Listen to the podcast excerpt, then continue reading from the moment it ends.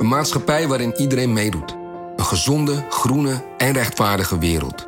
Daar willen jij en heel veel andere mensen best iets aan bijdragen. In het klein en in het groot. Dicht bij huis en ver weg. Zo hebben we vorig jaar 349 miljoen euro bij elkaar gebracht. Miljoenen waarmee onze goede doelenpartners de wereld elke dag een beetje beter kunnen maken. Nationale Postcode Loterij. Samen voor een betere wereld.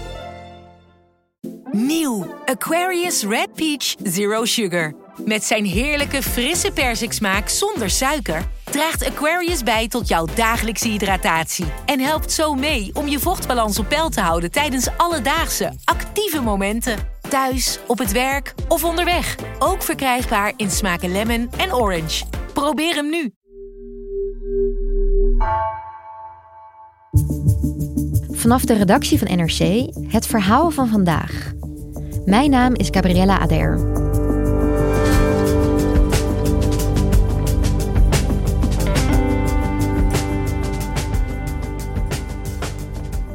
Zes jaar na de aanslag in Nice is de rechtszaak tegen de verdachte begonnen.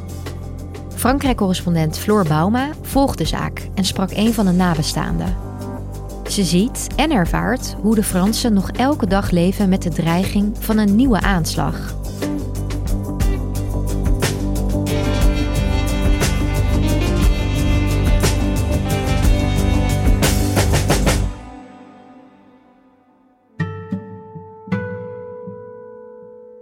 Anne Muris is een uh, wat oudere vrouw uit het Zuid-Franse Nice. Ze is uh, een spraaktherapeut. Je merkt het ook als je met haar spreekt. Ze praat heel netjes en eloquent. Uh, ze is getrouwd en ze heeft een heel, heel hecht gezin. Ze omschrijft zichzelf echt als een heel beschermende ouder. on a été des, des parents euh, très couvents, très, très protecteurs et très, très, très, très proches de, euh, de, de nos enfants. Pour vous donner un exemple, Camille, lorsqu'elle est partie. Heeft ze meerdere kinderen ook? Ja, Anne heeft uh, twee kinderen, um, een jongen en een meisje. Alleen het meisje is helaas zes jaar geleden uh, om het leven gekomen. Uh, haar 27-jarige dochter Camille die stond namelijk op 14 juli 2016 op de Promenade des Anglais hier in Nice. Samen met zo'n 30.000 andere mensen te kijken naar het, naar het vuurwerk ter ere van de nationale feestdag 14 juillet. Um, totdat iets voor 11 een vrachtwagen de promenade opreed, wat de één na dodelijkste aanslag in Frankrijk is geworden. Ja, Floor, kan je iets vertellen over wat er precies gebeurde? Want ik kan mezelf nog wel wat vlagen herinneren, wat flarden van, van die dag. Maar wat, wat gebeurde nou precies? Ja, op 14 juli 2016, uh, toen reed Mohamed Lawesh Boulel, um, een Tunesische man, met een vrachtwagen van 19 ton over de volle boulevard van Nice.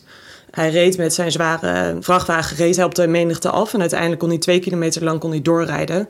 Door een menigte van 30.000 mensen. De vuurwerkshow vanwege de Nationale Feestdag is net afgelopen. En dan gebeurt er dit. Er wordt nog geprobeerd de chauffeur te stoppen, maar hij versnelt en begint de dodenrit over de drukke promenade des Anglais. Mensen rennen voor hun leven.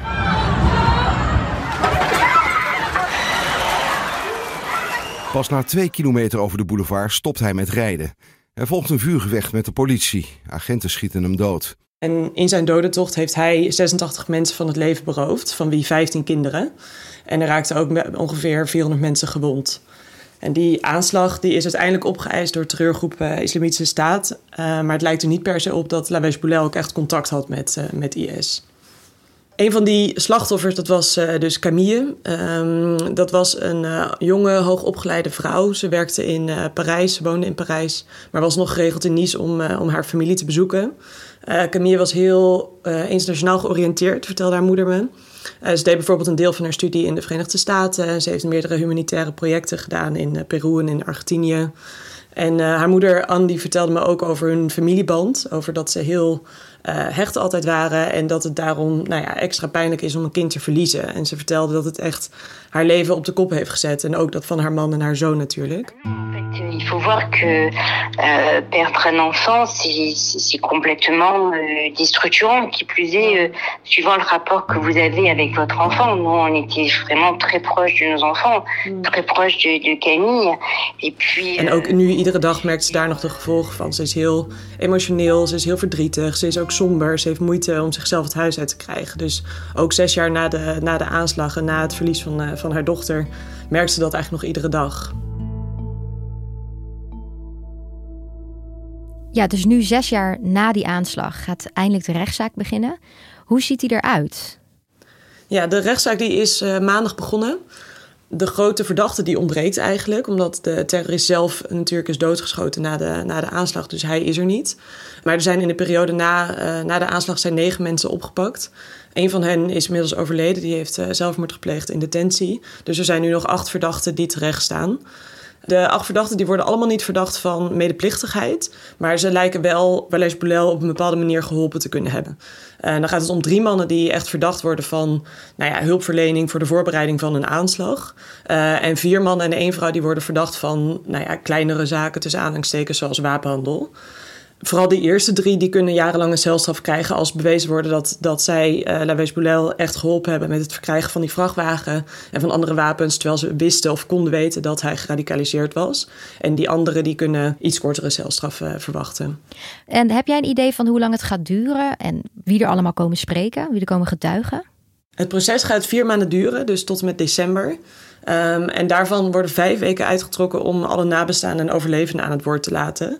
Deze week uh, merkt je ook al hoeveel mensen dat zijn. Want bijvoorbeeld maandag ging de rechter langs alle nabestaanden die wat willen zeggen tijdens het proces. En dat waren er honderden. En zo merk je ook hoeveel uh, impact zo'n proces heeft, uh, heeft gehad. En gaat de moeder van Camille, Anne, gaat zij ook iets zeggen tijdens het proces? Ja, Anne gaat, gaat ook getuigen. Zij is nu in Parijs. Uh, de eerste week. Zij moet even kijken of het fysiek voor haar mogelijk is om de komende maanden dat ook te doen. Maar zij is zeker iemand die, die ook gaat spreken. Ja. En waarom is dit proces nu zo belangrijk? Het is het één na grootste terrorismeproces van, van deze, deze jaren in elk geval. We hebben natuurlijk de afgelopen maanden het proces gezien rond de aanslagen in Parijs in Saint-Denis bij het Bataclan op de terrassen van 13 november 2015. Uh, dat proces is, uh, is afgerond, er komt ook geen hoger beroep. En nu is dit eigenlijk het tweede grote terrorismeproces over de, de één na grootste aanslag als het ware. En daarom is het wel heel belangrijk. Dus ik denk dat sommige mensen het zelf zullen zien als een soort afsluiting van het proces van die, van die reeks vreselijke aanslagen die in 2015, 2016 in Frankrijk uh, plaatsvonden. Ik weet niet of je dat echt zo moet noemen, echt een afsluiting. Want die dreiging van terrorisme, die, die is hier nog steeds. Die is, die is helaas nog helemaal niet weg. En die merk je eigenlijk ook nog iedere dag in Frankrijk. Ja, want hoe hoog is die dreiging dan in Frankrijk? Nou, in Frankrijk wordt de dreiging natuurlijk geanalyseerd door de veiligheidsdiensten. En die uh, analyseren hem en dan uh, zijn er drie niveaus waarin wordt ingeschaald, als het ware. Je hebt het uh, basisniveau waakzaamheid. Dan heb je het tweede niveau wat ze risque attentat noemen. daarbij is er dus de kans op een aanslag. En je hebt het hoogste niveau en dat heet dan urgence attentat. Um, en dat betekent eigenlijk dat er nu een aanslag plaatsvindt... of dat die net is afgelopen of dat, het, of dat die staat te gebeuren, als het ware. Um, die drie niveaus die horen bij het, bij het plan Vichy Piraat. En dat is uh, het Nationale Veiligheidsplan om, uh, om burgers te beschermen tegen terrorisme.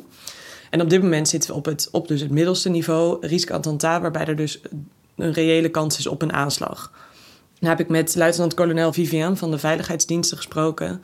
En hij vertelde dat hij een, uh, wat hij een pessimistische analyse noemde, heeft over de kans dat er dus nog een keer een aanslag kan plaatsvinden.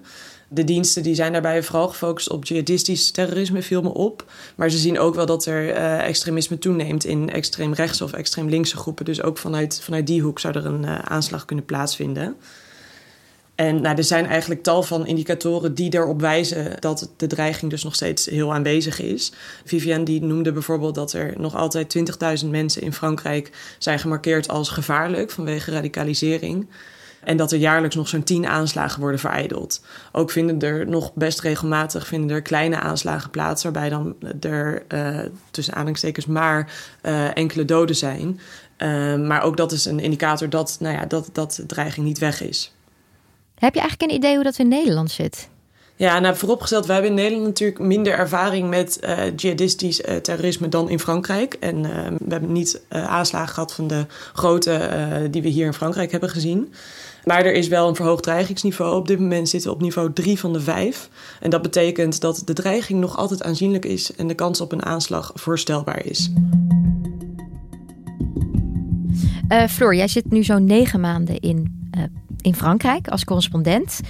Wat merk jij van die terreurdreiging? Ja, wat ik eigenlijk vooral merk op dagelijkse basis is het plan Vigipiraat. Dus de maatregelen die horen bij dat antiterrorismeplan van de, van de overheid.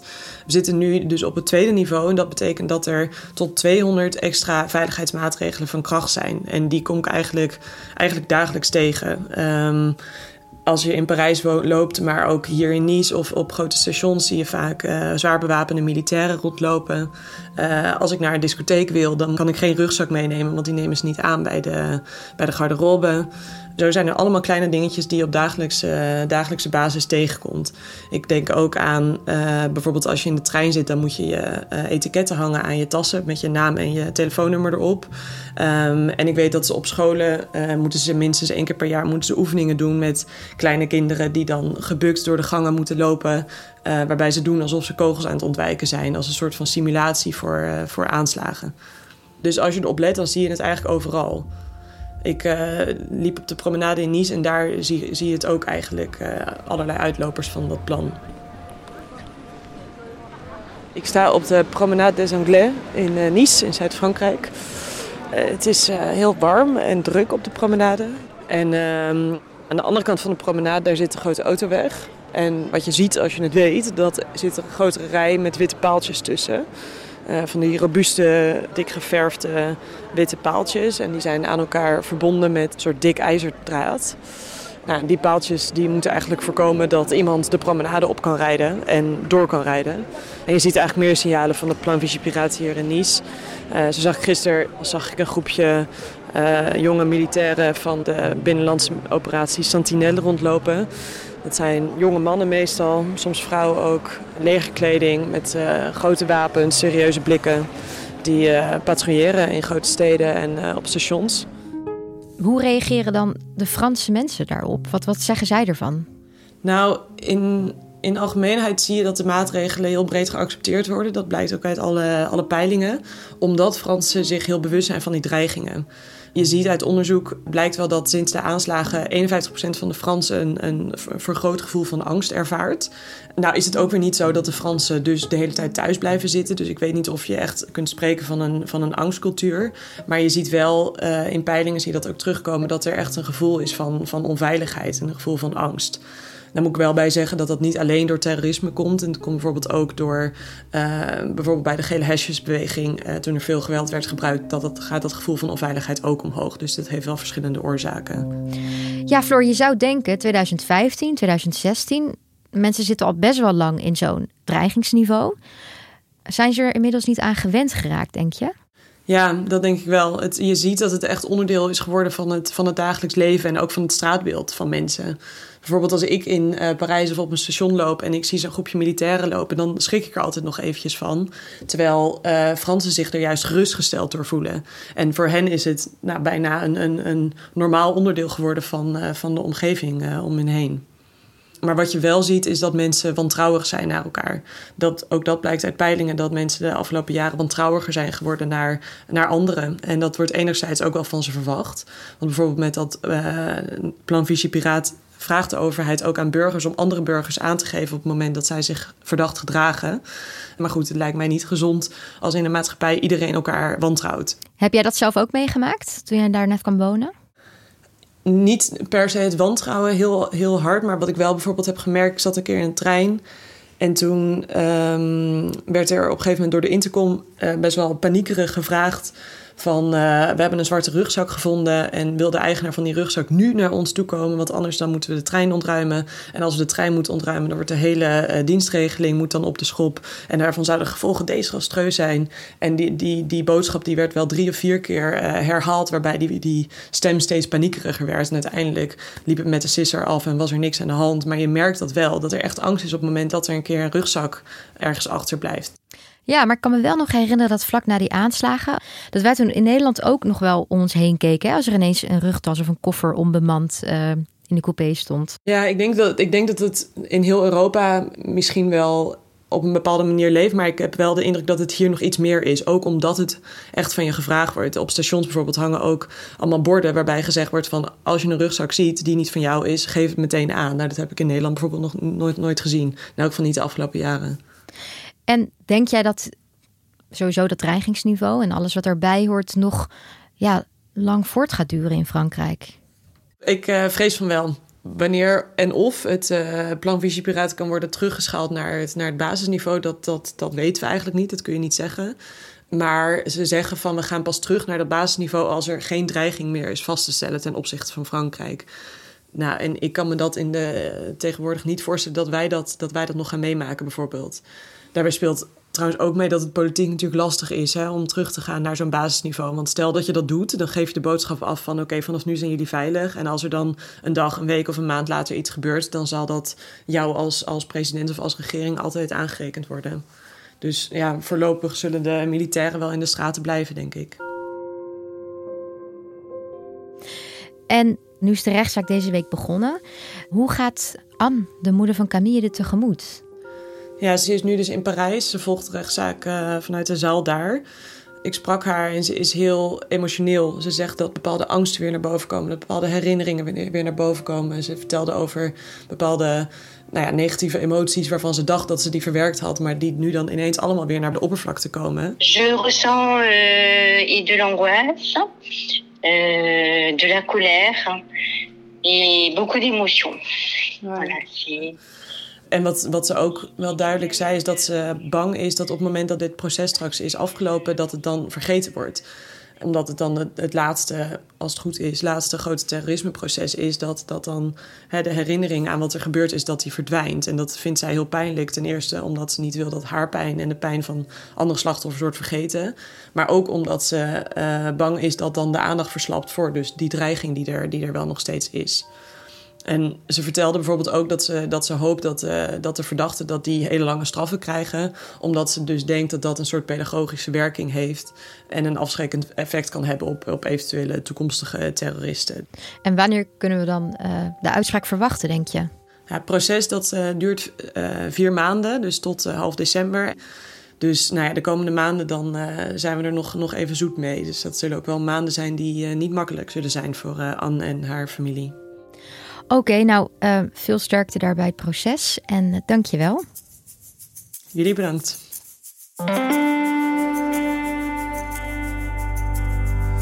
Je luisterde naar vandaag, een podcast van NRC. Eén verhaal, elke dag. Deze aflevering werd gemaakt door Nina van Hattem en Bas van Win. Dit was vandaag, morgen weer.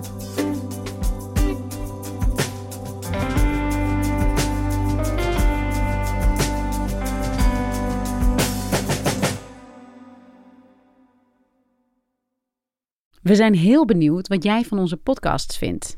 Je helpt ons enorm door een korte vragenlijst in te vullen op nrc.nl/slash podcastonderzoek. Dankjewel.